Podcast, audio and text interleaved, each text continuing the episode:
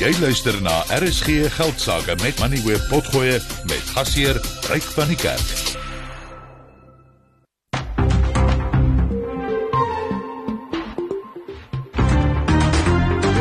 Jy luister na RSG Geldsaake met Ryk van die Kerk, jou betroubare bron vir sake en beleggingsinsigte.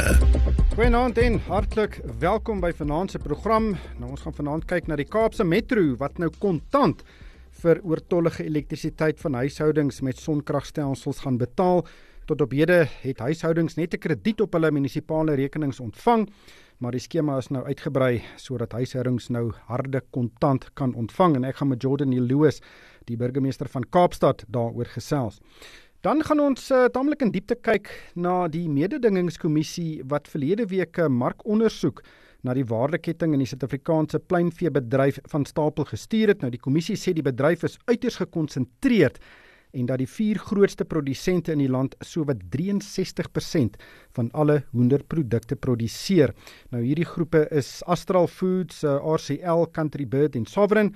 En ons gaan vanaand na albei kante van die storie luister. Ek gaan eers met James Hodge gesels, hy is die hoof-ekonoom by die kommissie en dan met Chris Skutte, die uitvoerende hoof van Astral. Dan het die Hooggeregshof in Pretoria verlede week die boedel van die wyle Nick Giorgio in voorlopige sekwestrasie geplaas. Giorgio was eens op 'n tyd 'n baie groot eiendomsmagnaat wat eiendomme reg oor die land besit het.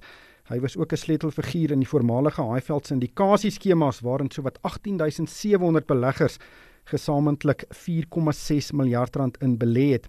Nou die syndikasies het in 2011 in die finansiële moeilikheid beland en is in sake redding geplaas en uh, later is 'n uh, uh, nog 'n reddingsplan op die tafel gesit. Daar was 'n hele reëlingsskema wat hierdie reddingsplan um, laat realiseer het. Giorgio het dit onderskryf, maar hierdie plan het ook misluk. Nou advokaat Louis Bolt het namens 'n kliënt aansoek om die voorlopige sekwestrasie van sy boedel gedoen en dit is nou verlede week toegestaan. Maar interessant genoeg, die eksekuteur van die boedel het ter verdediging van die aansoek gesê daar is nie eintlik wesenlike bates in Giorgio se boedel nie. En ek gaan by advokaat Louis Bolt hoor presies wat dit alles behels en wat hierdie voorlopige sekwestrasie bevel vir beleggers beteken. Maar kom ons kyk eers wat het op die markte gebeur en die insetsel word geborg deur Finband Groep. Beperk kontak hulle op 0860442211 Finband Groep beperk.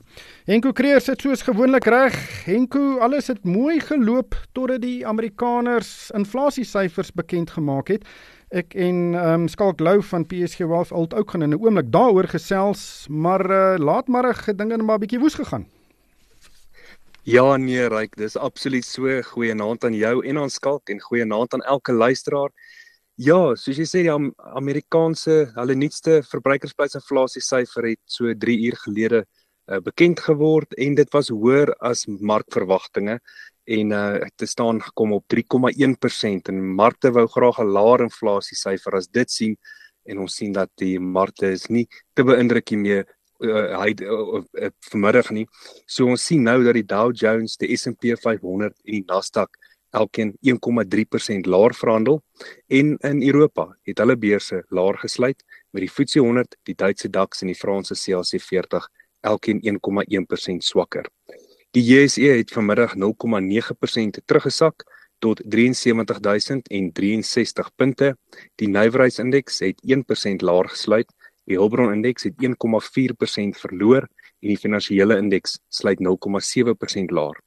Richmond met sy luxe goedere het vandag 'n bietjie verloor en 3% laer gesluit. Naspers het 2% teruggesak. Anglo, BHP en Prosus het elkeen 1% verloor en so ook British American Tobacco. Ander maatskappye wat 'n bietjie meer as dit verloor het, was die mynbeaandele soos Harmony en DRD Gold wat elkeen met 4% teruggesak het. Goldfields, Sibanye-Stillwater en South32 het elkeen 2.5% laer gesluit vandag en dan ander maatskappye soos Dischem en Investec het elkeen 2% verloor. Aan die positiewe kant het dit baie goed te gaan met 'n ander maatskappy wat ons nie aldag sien op hierdie lys nie en dit is Alphamin wat vandag 11% stewiger gesluit het. Dit het goed te gaan met MultiChoice wat vandag 3% gewen het en Amplats, Techsteiner en Sun International het elkeen 2% hoër gesluit. Dan op die kommoditeitsmark is die goudprys nou onder 2000 dollar, verhandel tans teen 1990 dollar per fyn ons. Platinum is nou 875 dollar en palladium het omtrent sy waarde verloor hierdie afgelope klomp weke en staan tans op 860 dollar per fyn ons. Brent olie is aan die klim en die prys daarvan staan tans op 82 dollar en 40 sent per vat en die dollar wen 'n bietjie sterkte vanmiddag op die nuus van daardie inflasie syfer gaan goed met die dollar en laat die rand swak lyk. Jy betaal nou R19.12 vir 'n Amerikaanse dollar, R24.05 vir 'n Britse pond, R20.46 vir 'n euro en R12.35 vir 'n Australiese dollar. Bitcoin kos nou 49500 dollar, dit is 950000 rand. En dan hier laaste die plaaslike staatseffekte, die R106 verhandel nou teen 8,9% en die R209 verhandel teen 11,9%. Enko baie dankie. Uh, skalk Amerikaanse inflasie syfers uh is bekend gemaak. Die uh, inflasiekoers was 3,1% en dit uh het aan die negatiewe kant verras en dit beteken rentekoers in Amerika gaan vir langer onveranderd bly neem ek aan en natuurlik uh, dit is slegte nuus vir aandelemarkte. Ja, goeie genade. Ek luister so vir Henko en uh, ek wil later net vir hom sê en die goeie nuus Henko, want is dit eenvoudig net nie net die goeie nuus gewees daai hierdie een klein syfertjie. Ja, hulle het uh, verwag dat uh, dat inflasie syfers sal jaar jaar op jaar in 2.9% uitgekom het, uitgekom op 3.1% nadat die vorige maand jaar op jaar met 3.6%. Ek dink die die ekonome was 'n bietjie optimisties geweest met daai met daai 2.9%. Dit dit sê net vir my, uh, jy, jy gaan nie 'n skip kry wat nie meer die die Suezkanaal gaan al die pad om die suidpunt van Afrika moet seil of moet met 'n uh, uh, reis om olie te gaan aflaai aan die ander kant van die wêreld en dit gaan nie 'n uh, inflasie probleem veroorsaak nie. Ons is nog steeds besig daarmee en terwyl daar is uh, wil ek amper gaan en sê ehm um, mense moet meer meer van dieselfde verwag. Ehm um, hier's 'n interessante feit. Uh ryk, weet jy, die die die uh Amerikaners, die die futures traders daar's of die uh, afgeleide instrumente verhandelaars, hulle hulle het seker seker waarskynlikheidssyfers wat hulle uitkom en in 'n maand gelede was die waarskynlikheid dat ehm um, rentekoerse al in Maart in die FSA sal daal was 76%. Vandag het hy geval onder 10% en natuurlik net so 'n bietjie meer as 'n week, twee weke terug was dit 98% kans dat ons die eerste rentekoersverlaging in die FSA sou gekry het in Mei maand. Vandag staan hy op 35.9% kans. Kans blyk nou by die stadium of ons nie eers die eerste rentekoersverlaging gaan kry in Mei nie en natuurlik dit bring chaos. Nie chaos soos wat ehm um, Enko vir ons vertel het van die goudprys wat onder 2000 dollar geval het nie, maar ook natuurlik weet chaos in terme van markte. Die internasionale markte is besig om baie baie seer te kry. Ek is nie verras nie. Ek is glad nie verras nie, verras nie en ek dink vir die luisteraars daar buite wat hulle portefeuilles besig om te bou, wees maar versigtig. Ek dink hierdie wisselvalligheid gaan dalk net die orde van die dag wees vir die volgende paar maande. Ja, dit ek dink dit was ook die uh die geval die afgelope paar maande. Uh, die enigste ding wat hmm. seker is is dat ons uh, dat daar groot onsekerheid is. Ehm um, maar daar's ook 'n paar plaaslike aankondigings aankondigings gewees en die een wat vir my regtig uitstaan is die is Transaction Capital wat natuurlik vir WeBuyCars gaan ontknoop en WeBuyCars gaan op die JSE noteer. Is 'n welkome notering vir die JSE want op die oomblik sien ons uh al hoe meer maatskappye wat denoteer vir verskeie redes, maar WeBuyCars kan 'n baie interessante notering wees en 'n beleggingsopsie wees. Hulle het so 'n proforma ehm um, uh, finansiële syfers uh, gepubliseer en dit lyk na 'n goeie besigheid. Ja, ek gaan baie vinnig en baie kortliks hierdeur harte van ek is nie ek is nie 'n aandeelhouer in die maatskappy nie, maar soos jy genoem het, uh definitief definitief 'n uh, 'n uh, uh, uh, verwelkome aankondiging vandag na Transaction Capital, maar swaar gekry die laaste jaar. Ehm um, aandeleprys baie positief gereageer net onder die 10% vandag op En ehm um, ja, die die die die belangrike deel vir vir luisteraars daar buite, die as jy kyk na transaction capital bestaan hy basies in drie dele. Ons kom by die laaste een eerste, die taxi gedeelte is baie baie klein SA taxi, dan hulle Newton wat 'n invorderings of skuldinvorderings besigheid is en dan natuurlik hierdie uh, in my opinie die juweel van die maatskappy We Buy Cars. Ja, ek gaan uh, vir vir Standard Bank die die die erkenning gee. Hulle het uh, so in Julie verlede jaar het hulle so 'n waardasie gedoen op die op die verskillende dele van hierdie maatskappy. Hulle het op daai stadium vir WeBuyCars uh gewaardeer op R4.74. Nou as jy vat die uh, voorgestelde punt 3 aandele wat jy nou gaan kry vir elke transaction capital en natuurlik WeBuyCar aandele wat jy gaan kry as jy die transaksie deurgaan, dan werk dit uit op vandag se sluitingsprys teen R2.50 per WeBuyCar aandeel. So dit ehm um, ek dink uh, dit klink vir my daar is nog uh, definitief ietsie om na te kyk. Ek gaan 'n bietjie loer, maar uh, weer eens ek dink dit is 'n uh, dit is 'n verwelkome verwelkome aankondiging vir alle Transaction Capital aandeelhouers. Hulle het in hulle vorige boekjaar 150 motors per dag verkoop. Dit is 'n ongelooflike aantal. Nee, is 'n ongelooflike besigheidsmodel. Ryk is is, is werklik 'n goeie besigheidsmodel. Ek het hom al 'n paar keer verkeerd gehad. Ehm um, wat ek gedink het verlede jaar eh, met met die hoë rentekoers omgewing in in die moeiliker, kom ons sê inflasie omgewing dat dit 'n tipe besigheid is wat swaarder gaan trek en ek het dit verkeerd gehad want juis mense sal liewers minder nuwe motors koop en hierdie ehm um, motors wat hulle by WeBuyCars het duidelik baie baie goed presteer. Nee, ek is ek dink is 'n baie baie goeie besigheid. Ek dink die een ding wat Transaction Capital aandeelhouers nou gaan net moet in gedagte hou, want hulle noem dit in die aankondiging dat hulle hierdie geld wat hulle gaan kry vir WeBuyCars beplan hulle om hulle skuld weet te te te te, delg en af te delg. Want dit is een van die groot probleme. Hulle sit met 'n groot klomp met geld in terme van skuld. So kom ons kyk hoe hanteer hulle dit. Die insetsel is geborg deur Finbond Groep. Beperk kontak hulle op 0860442211 Finbond Groep beperk. Standvastigheid konsekwentheid en betroubaarheid, kwaliteite wat in hierdie onbestendige tye skaars en van onskatbare waarde is.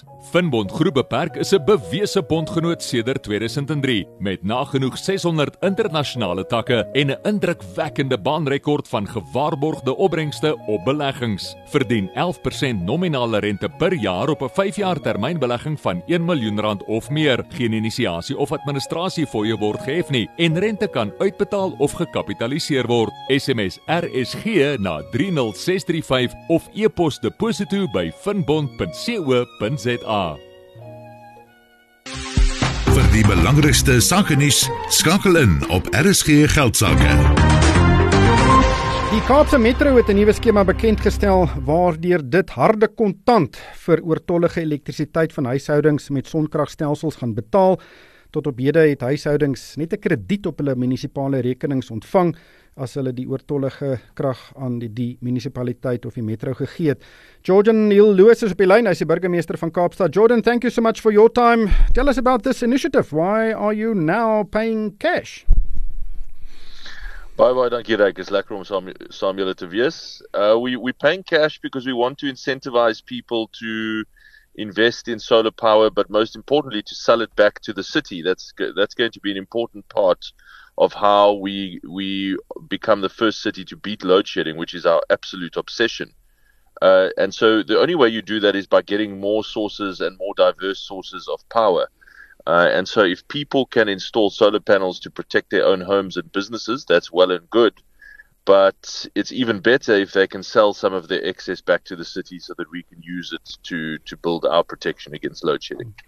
You already have an initiative whereby the city credits uh, the municipal account of a resident who supply yes. or uh, push through excess electricity to the metro.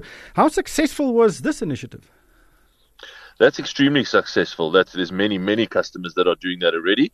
That allows you to credit uh, your your municipal account with with the amount of power that you sell back to the city, and you can run your municipal account down to zero in the past, we used to stop at zero. Past zero, once you had paid your entire or credited your entire municipal account, that was it. The difference now is we're saying you can actually go further than that. You can build up a real uh, credit where the city owes you money and we will pay you for that power. We'll, we will, uh, soos jy gesê het, ons sal jou in hard kontant betaal. Um, how much electricity did you get through this initiative from uh, the excess electricity on, on you know on residential buildings? At the moment, we have a potential to. There's already 110 megawatts installed in the city, but I must be clear that most of that is used for people's own needs for their house uh, and for their business.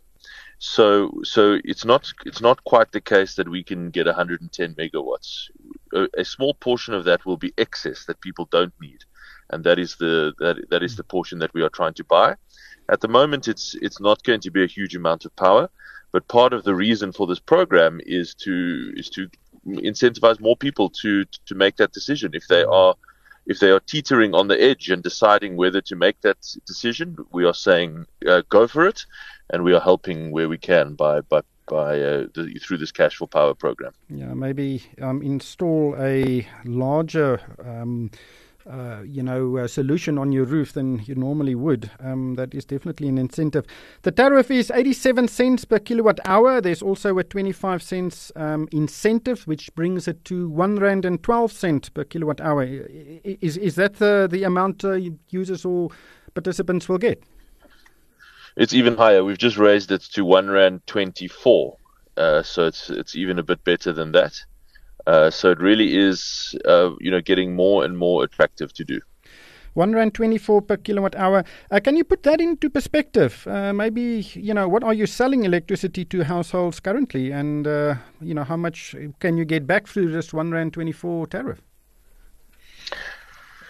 So the, the the price that we sell at varies depending on how much you use. There's a step block tariff, so it's it's it's not easy to say, but it's it's definitely over two rand. But the difference is this, Rick. We we are getting solar power from people's roofs mainly at around the middle of the day, when solar power is most prolifically available.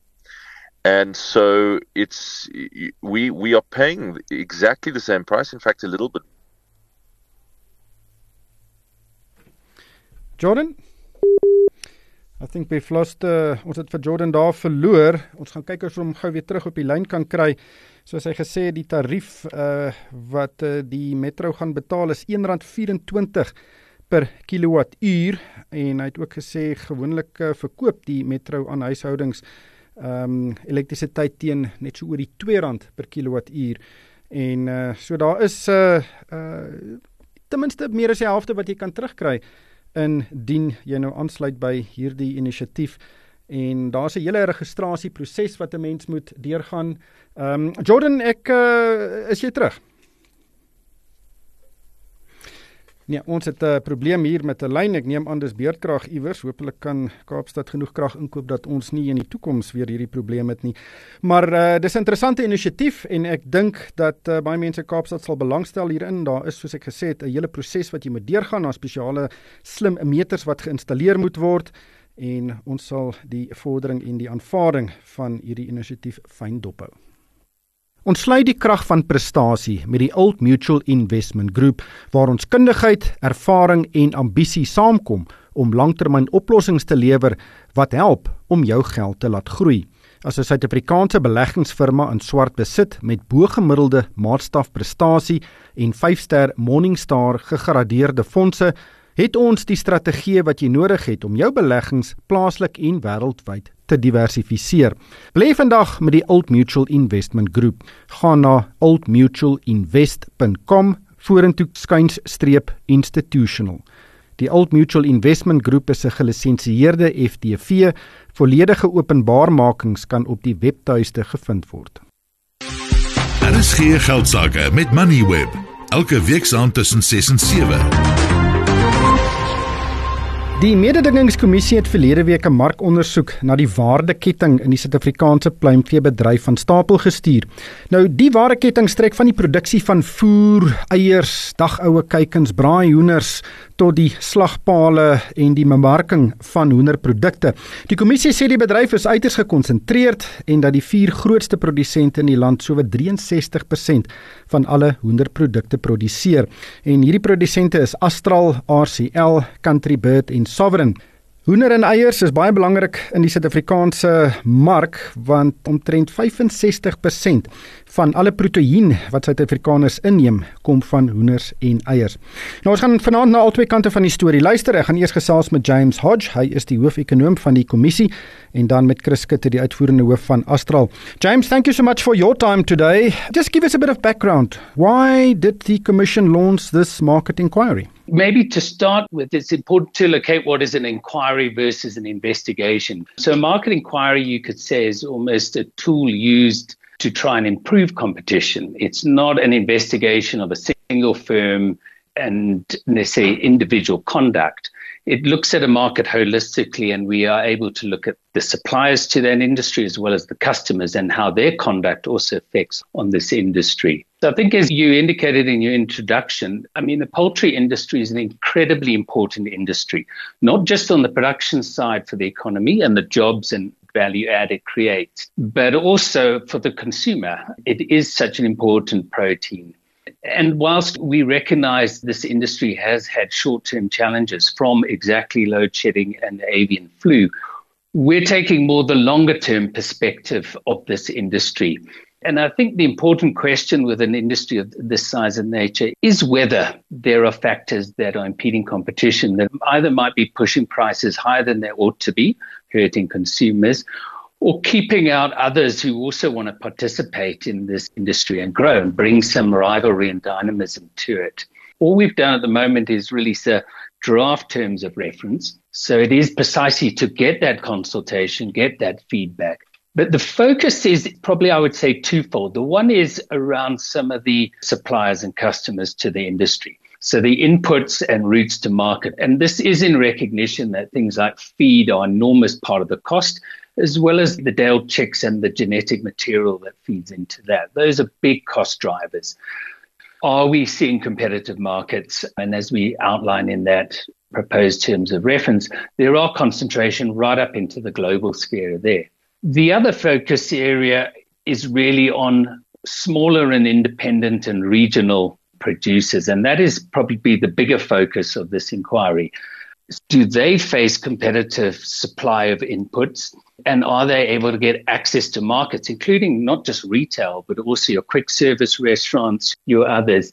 And these are things that in fact the south african poultry association has identified in its own surveys that some of those smaller players precisely battle to get quality day-old chicks. They have concern about reasonably priced feed and medicines, and they're concerned about independent abattoir access and also access to retail. Market concentration is an, a complicated field within the competition legislation because it differs from industry to industry. For example, it's highly concentrated in the vehicle manufacturing industry and I'm sure the poultry industry will tell you listen, economies of scale is critical to produce chicken as cheaply as possible. And I've seen the industry already indicating that they produce some of the cheapest chicken in the world.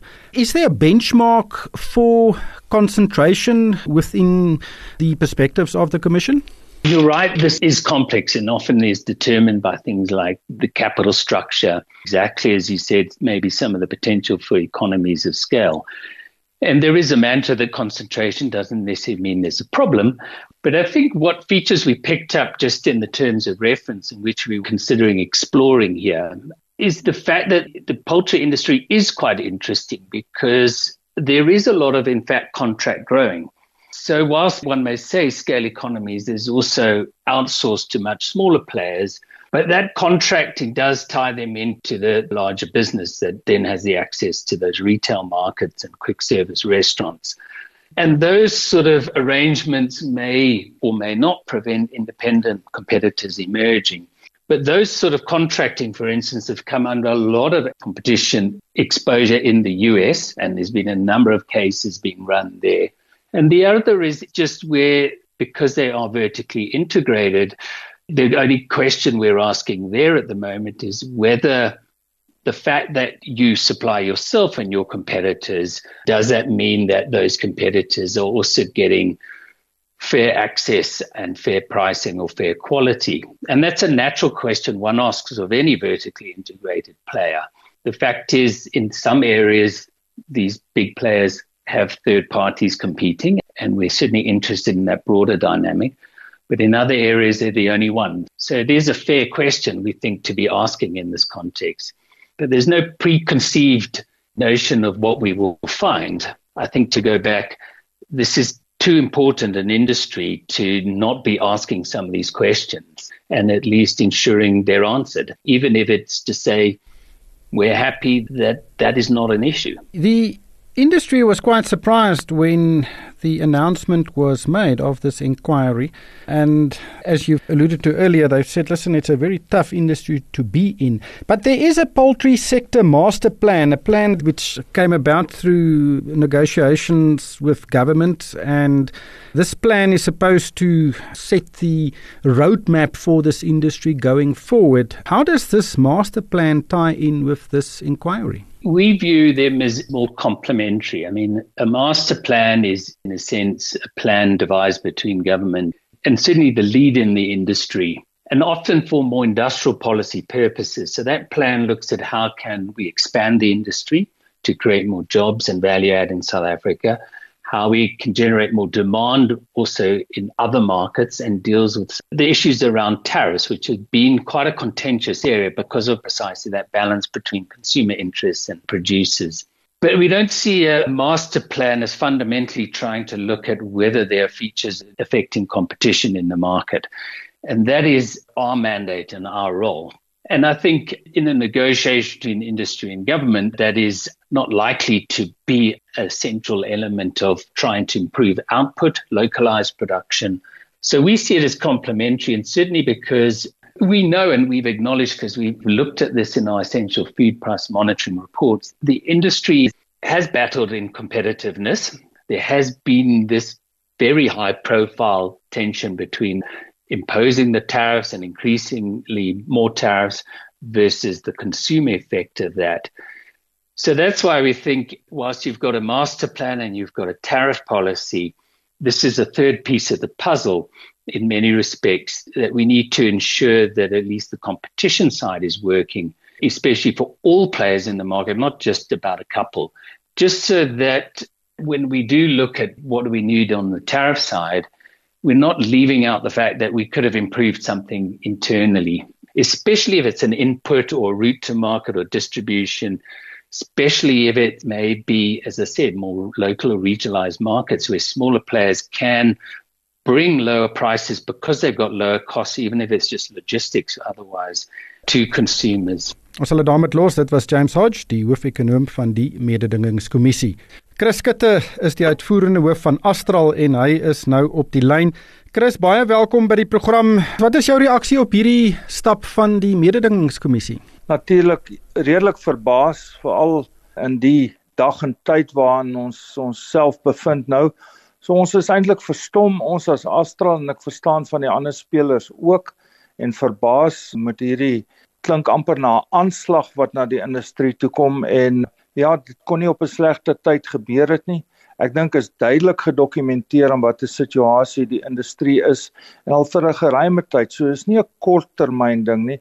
Ons is onder geweldige druk van invoere en koste as gevolg van die staatsidentiteite wat nie hulle kan bring nie van basiese dienste wat nie gelewer word nie waaroor ons addisionele koste moet aangaan.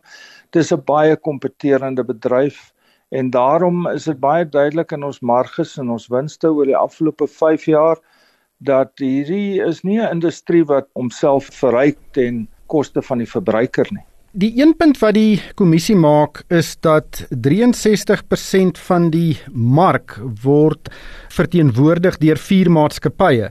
Dit is Astral, dit is Sovereign, dit is Country Bird en RCL. Dis 'n groot syfer, 63%. Dink jy daar is groot konsentrasie in hierdie mark? Wel ek dink as jy buite die industrie staan dan mag dit so klink, maar as jy na enige ander industrie gaan kyk, dan sal altyd 3, 4 of 5 hoofspelers wat so gevorm het oor baie jare. Van die maatskappye in Astral is al 80 jaar oud. Dis nie iets wat gister gebeur het of oor daai onkompeterende gedrag is nie. Dit kom baie lank af. Die mense wat ons genetika verskaf, ons het die ander dag ons 50ste samewerkingsooreenkoms jaar gevier. So die goed vorm oor jare en jare en jare. En 63% as jy na Amerika toe gaan of jy gaan na die Europese lande dan sal jy altyd maar jou klomp hoofstroom ouens kry en mense wat in die industrie kom of mense wat konsentreer op sekere geografiese liggings. So dit is nie noodwendig dat 4 of 5 spelers 60% vorm nadelig nie.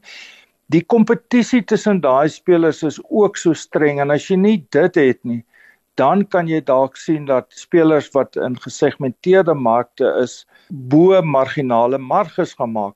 Maar hierdie industrie is so kompeterend dat jy draai jou sente om elke dag net om aan die lewe te bly.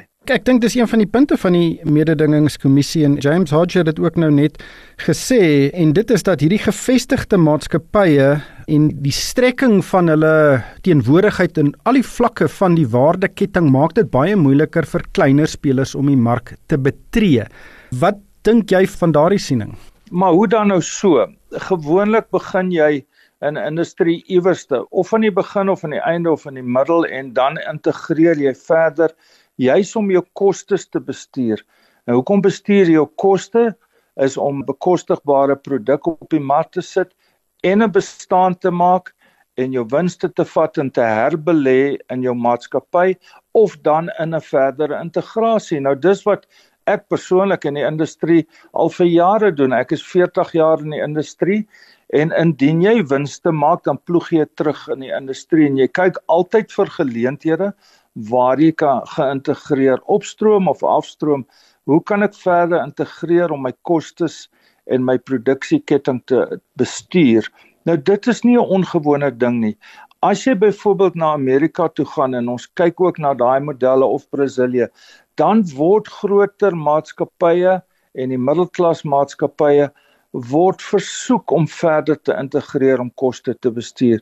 Daar word ook gevra dat daar 'n groter konsentrasie moet wees want dit is een manier om jou koste af te hou. Nou in Suid-Afrika seker hoe ons in die suidelike halfrond is doen ons nou alles anderste om.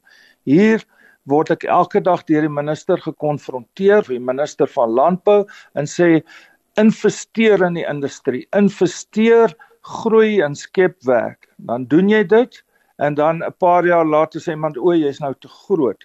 Uit die sake wat die mededingingskommissie in die verlede ondersoek het, was 'n kernpunt die onvermoë van kleiner spelers om 'n mark te betree. Dit is 'n siening wat James Hodge ook gehuldig het en ek dink dit is die kernpunt van wat hulle wil ondersoek. Hulle wil hê kleiner spelers moet kan 'n mark betree en meeding ek het 'n vermoede dis waarop hulle gaan konsentreer indien hierdie saak nou van 'n voorlopige ondersoek eskaleer in 'n volwaardige saak in. Wel, hulle is welkom te kyk. Daar is geen beheer oor enige mark in Suid-Afrika.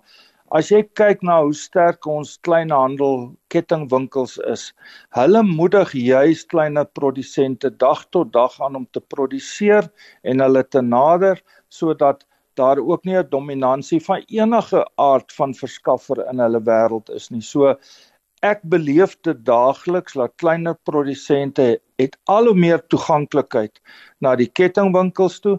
Hulle kan enige dag enige mark betree. Ek kan dit nie keer nie. Geen produsent in Sapa kan keer as iemand 'n mark benader nie. Natuurlik is daar sekere behoeftes. As jy nou gaan kyk na jou kitskos restaurante, dan staan baie hoë standaarde. Ons word deur die KFC's en die Nando's en die Spurs maandeliks geauditeer vir gehalte en beheer ensovoorts. So jy moet daaraan voldoen. En as jy nie daaraan voldoen nie, gaan jy nie in daai mark inkom nie. En dit kos alles geld wat hoender duurder maak. So daar is geen manier nie. Elke voermaatskappy in die land wat geïntegreer is in die groot spelers sit met spaarkapasiteit wat hulle maar te graag aanwend om voer te verskaf aan buiteprodusente. Nou daai kompetisie is so streng, niemand kan 'n bonatuurlike marge gaan verhaal daar in die mark nie. Die kompetisie is net te groot en dit sal ons kan bewys in enige ondersoek dat hierdie is 'n kompeterende bedryf En daar's vir my altyd een toets. As ons hierdie massiewe winsmarges gemaak het ten koste van die verbruiker of 'n ander speler, dan sou dit mos blootgestel word. Die feite lê in Astral se geïntegreerde jaarlikse verslag. Daar's 'n hele koste model. Dit wys daar presies wat ons wil is geauditeer. So daar is nêrens vet in hierdie industrie nie. Dis 'n hond eet hond industrie van dag tot dag wat harde werk en 'n klomp fokus benader. Niemand gaan in hierdie industrie wat 'n hoë risiko industrie het. As iemand nou vir my sê na die huidige voëlgriep pandemie, hy wil nou in teelmateriaal gaan belê, dan moet hy baie mooi weer gaan dink want dit is waar waar ons 600 miljoen rand moes afskryf sonder hulp van enige van hierdie regering instansies wat wil ondersoek. Chris, dankie vir jou tyd. Dit was Chris Skutte, hy's die uitvoerende hoof van Astral. Is geen geldsaake met Moneyweb, jou betroubare bron vir sake en beleggingsinsigte. Die Hooggeregshof in Pretoria het verlede week die boedel van die wyle Nick Giorgio in voorlopige sekwestrasie geplaas. Giorgio was eens op 'n tyd 'n baie groot eiendomsmagnaat in Suid-Afrika en het eiendomme reg oor die land besit. Hy was ook 'n sleutelfiguur in die voormalige Highveld syndikasie skemas waarin sowat 18700 beleggers gesamentlik 4,6 miljard rand in belê het. Die syndikasie het in 2011 in die finansiële moeilikheid beland en is toe in sake redding geplaas. Die AS maatskappye is toe ook later ingevolge 'n reëlingsskema herskik en Giorgio het hierdie nuwe skema onderskryf wat beloof het om beleggers se geld aan hulle terug te betaal, maar die proses het ook heeltemal misluk. Advokaat Louis Bolt verteenwoordig 'n groot aantal individuele beleggers en het al in die verlede verskeie sake gewen waardeur beleggers hulle geld teruggekry het of ten minste eise teen Giorgio het. Nou Bolt het hierdie aansoek om voorlopige sekwestrasie teen Giorgio gebring nadat Giorgio nie een van sy kliënte Sydney Pool betaal het nie en dit is nadat 'n hof beslis het dat Giorgio hom wel moet betaal. Interessant genoeg, die eksekuteur van die boedel, Luke Safi, het die aansoek teengestaan en hy het onder meer beweer dat daar geen wesenlike bates in die boedel is nie. Advokaat Louis Bolt is nou op die lyn. Louis, baie welkom by die program. Dis 'n ingewikkelde saak, maar wat is kortliks die agtergrond oor die saak? Die agtergrondfeite van die saak is maar dat meneer Pool het twee beleggings in Highveld 22 gemaak in 'n bedrag van 4,4 miljoen rand. Nou ja, dit is nie in terme van die terugkoopooreenkomste terugbetaal nie en daarna is dagvaarding uitgereik na die uitspraak in die De Lange saak. En ons het voortgegaan daarmee na die uitspraak deur die appelhof in die Noor Mohammed saak het ons aansoek gedoen vir vonnis teen Giorgio Zeffen en die Nick Giorgio Trust en vonnisse is toegestaan. My kliënte het 'n bedrag van ongeveer 100 miljoen rand se eise teen Giorgio gekry. In die poolsaak het ons lasbriewe uitgereik vir eksekusie teen Giorgio se persoonlike boedel want Zeffen is toe onder besigheidsredding geplaas voordat ons op sy goed kom beslag lê. Die lasbriewe is uitgereik en Giorgio het versuim om aan die uh, Bali bates uit te wys of te sê waar dit is om die vonnisse te bevredig. Die Bali het toe 'n uh, relaas van Labona uitgereik wat daad van insolventie in terme van die insolventiewet daar stel en ons het toe voortgegaan om aansoek vir die sekwestrasie van Giorgio se persoonlike boedel ingestel.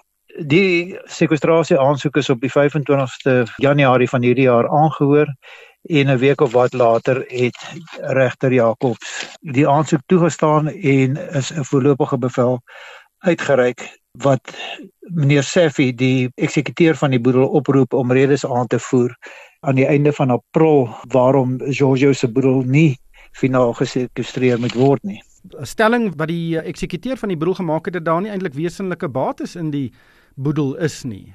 Georgia was 'n baie welvarende man, hoe kan dan nie bates wees nie? Maar dit is presies wat ons in die hof voorgehou word dat 'n man met sulke bates en toegang tot soveel fondse en ander bates het, nie enige iets in sy boedel het nie. Hy het vreeslik baie en ander belange in verskeie maatskappye en ander instansies en hy gebruik hierdie maatskappye as bloot voertuie om die bates wat in sy persoonlike boedel moes gewees het eintlik te versteek en te verberg.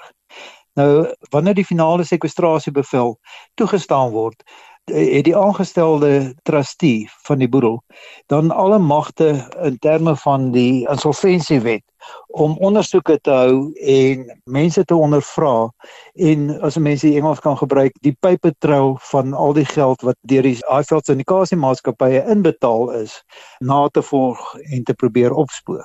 Ja, ek dink dis ook een van die sleutelpunte want hierdie hele saga sloer nou al van 2011 2012 af en daar was nou al baie regsprosesse maar daar was nog nooit 'n forensiese ondersoek om te kyk wat het met die geld gebeur die 4.6 miljard rand wat die beleggers belê het in die skemas nie. Ja, dit is so ons as skuldeisers het nie daardie toegang om te vra vir bankstate, inkomstebelastingstate en dis meer net bloot omdat my kliënte 'n vonnis gekry het.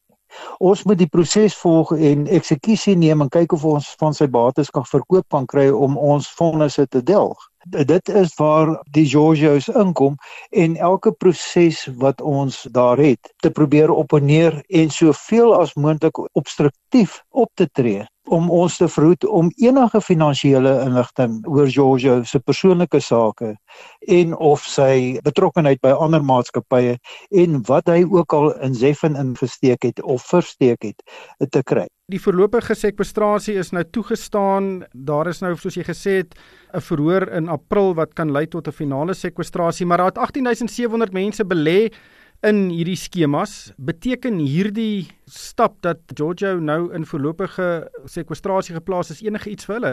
My houding was nog altyd dat die beleggers in 15 tot 20 het nie eise teen Zefan Giorgio persoonlik en die trust gegrond op 'n soortgelyke ooreenkoms as die terugkoopooreenkomste nie. Hulle het eise teen die Highveld syndikasie maatskappye. Dit is iets wat met Hansklopper uitgesorteer moet word om daardie maatskappye te likwideer en dan kan daardie beleggers hulle eise teen die Highveld syndikasie maatskappye instel. Maar op hierdie stadium is dit bloot beleggers in Highveld 21 en 22 wat sal kan gelikwideerde eise bewys teen die boedel van George. Dit kan nie Highveld 21 en 22 beleggers help in 'n sekere sin, maar hulle moet vonnis hê. Die klas aksies se mense het nog nie tot daar gevorder nie. Louis, dankie vir jou tyd vanaand. Dit was advokaat Louis Bolt. Besoek RSG Geldsaake se Facebookblad en kom ons gesels. Hierdie insetsel word aan jou gebring deur Marcel Swart van PSG Wealth Pretoria Oos. Ons gaan voort met ons gespreksreeks met PSG Wealth oor aftrede en finansiële beplanning. Marcel Swart sluit nou by my aan. Sy is 'n welvaartbestuurder by PSG Wealth Pretoria Oos. Marcel, baie welkom by die program. Ek wil gesels oor die rol wat welvaartbestuurders speel om mense te help om die beste moontlike beleggingsuitkomste te verseker. Nou daar is 'n magdom inligting op die internet beskikbaar en mense kry eintlik baie maklik toegang tot baie goeie data en beleggingsinligting. Daar's ook verskeie kunsmatige intelligensie platforms wat mense kan gebruik. Is dit 'n uitdaging vir raadgewers? Ja, dankie Ryk. Ek dink tog daar is die persepsie dat dit baie maklik is om net jou eie beleggings te bestuur. Ons sien dit nogals veral onder jong mense ervaar ons dit. Wat nie noodwendig 'n slegte ding is nie. Ek dink vir iemand wat die mark betree, is die aanlyn opsie altyd 'n bietjie goedkoper. So dit is 'n goeie plek om te begin. Maar ja, tog dink ek ook net jy weet tegnologie gaan baie moeilik die emosionele kant van beleggings en finansiële beplanning vervang. En is juist nogals op daardie gebied waar die meeste uitdagings is as dit kom by beleggingsbesluitneming is om te kan onderskei, jy weet, op watter emosies moet jy gaan en watter nie. So die tegnologie gaan moeilik daai aspek van emosies kan vervang. Ja, dis 'n uh, menslike karaktereienskap. Die oomblik as markte byvoorbeeld val, dan raak mens emosioneel en as jy emosioneel is, neem mens dom besluite. Maar is dit die sleutelrede vir hoekom iemand die dienste van 'n raadgewer moet gebruik? Nee, ek dink daar's verskillende aspekte. Morningstar het 'n opname gedoen of 'n gedragsanalise en hulle het gekyk na wat die algemene redes is waarom mense adviseer het. Nou uit die analise het dit vir 37% van die persone gegaan oor gemoedsrus. So meer mense is eintlik ongemaklik om dit self te doen en ek dink as jy net dink oor wanneer jy regsadvies of mediese hulp nodig het, dan raadpleeg jy 'n spesialis op daardie gebied. En is eintlik maar dieselfde beginsel as dit kom by beleggings en beplanning om 'n professionele persoon te betrek. Dan het 22% van die persone 'n adviseur gekies as gevolg van goeie advies en raad op 'n holistiese vlak. So ek dink die wêreld van beleggings kan baie kompleks raak as jy verskillende produkte, belasting, boedel implikasies en saam dit ook nou nog die markte in ag neem. So daarom is dit goed om met iemand te kan klankbord en ja, ek dink daar's immers waarheid in daai raad wat sê twee vaar beter as een. Ja, absoluut want Finansiële raadgewers doen baie meer as net om geld te belê. Daar's ook baie ander dienste wat gelewer word ook grootliks. Soos jy nou gesê het, boedelbeplanning is kritiek. Mense wil ook nie te veel belasting betaal nie en daai strukturering is belangrik. Maar hoe belangrik is opbrengste? Want ek dink baie mense kyk na die dienste wat finansiële raadgewers lewer en sê, "Luister, ek wil die beste moontlike opbrengs hê jaar op jaar." Want dit gaan beteken dat ek regtig lekker kan aftree.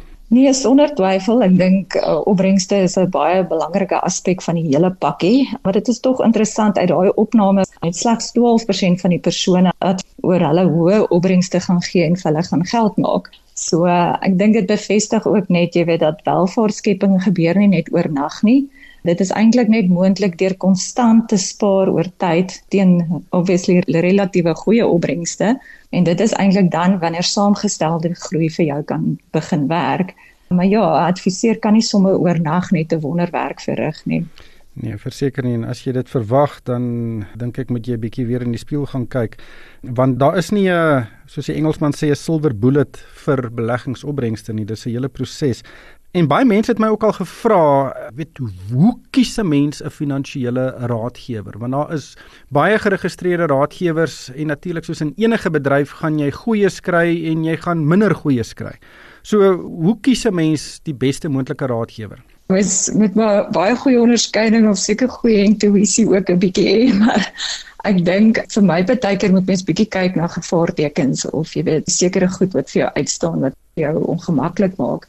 En ek dink daar's altyd daai goue reël of maatstaf wat sê as dinge te goed is om waar te wees, dan is dit. Dis altyd in die verlede so gewees. Dis altyd net vreeslik moeilik in daai oomblik om dit raak te sien. So dis altyd nou maklik om terug te kyk en te sê, "Jo, maar al die tekens was eintlik daar gewees." Wanneer 'n adviseur onrealistiese opbrengste en doelwitte najag, dan moet dit dadelik vir jou 'n waarskuwing wees.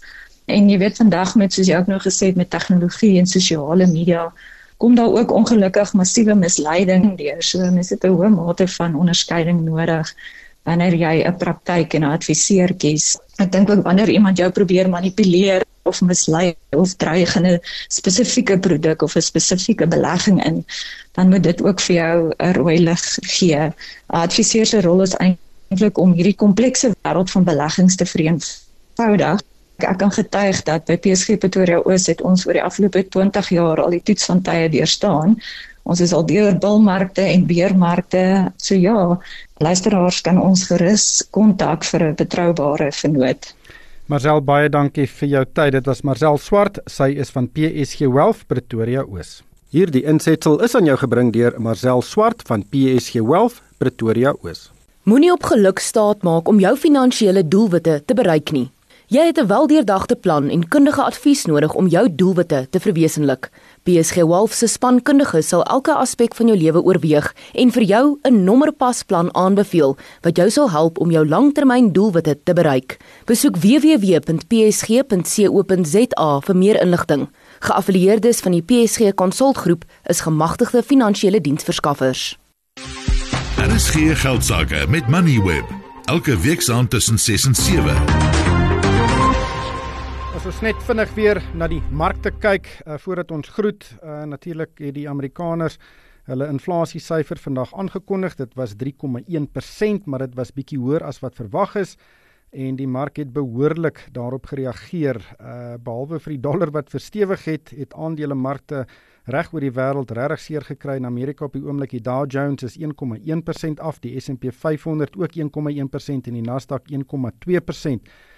In Johannesburg het ons beurs relatief eh, bestendig vertoon totdat die aankondiging gemaak is en toe val die beurs werklik sy wind uit op en ons sluit 0,9% laer. Die rand het ook verswak en uh, dit was so uh, dit staan op die oomblik op R19.11 teen die Amerikaanse dollar. En dan die goudprys. Natuurlik as die dollar verstewig dan verswak die goudprys gewoonlik. Die goudprys 23 dollar laer op 1994 dollar. En daarmee het die tyd ons ingehaal. Luisteraars is welkom om na potgoeie van vanaand se program te luister. Dit sal so 'n rukkie beskikbaar wees by moneyweb.co.za en ook die Moneyweb slimfoon toepassing. En daarmee groet ons van Palesa Matlala, Pieter Botha en Ko Creer en vir my ryk van die kerk. Dankie vir die saamluister. Jy het geluister na RSG Geldsaake met Money where potgoe elke weeksdag om 7 na middag. Vir meer Money where potgoe, besoek moneyweb.co.za of laai die toepassing af en volg Moneyweb News om dagliks op hoogte te bly.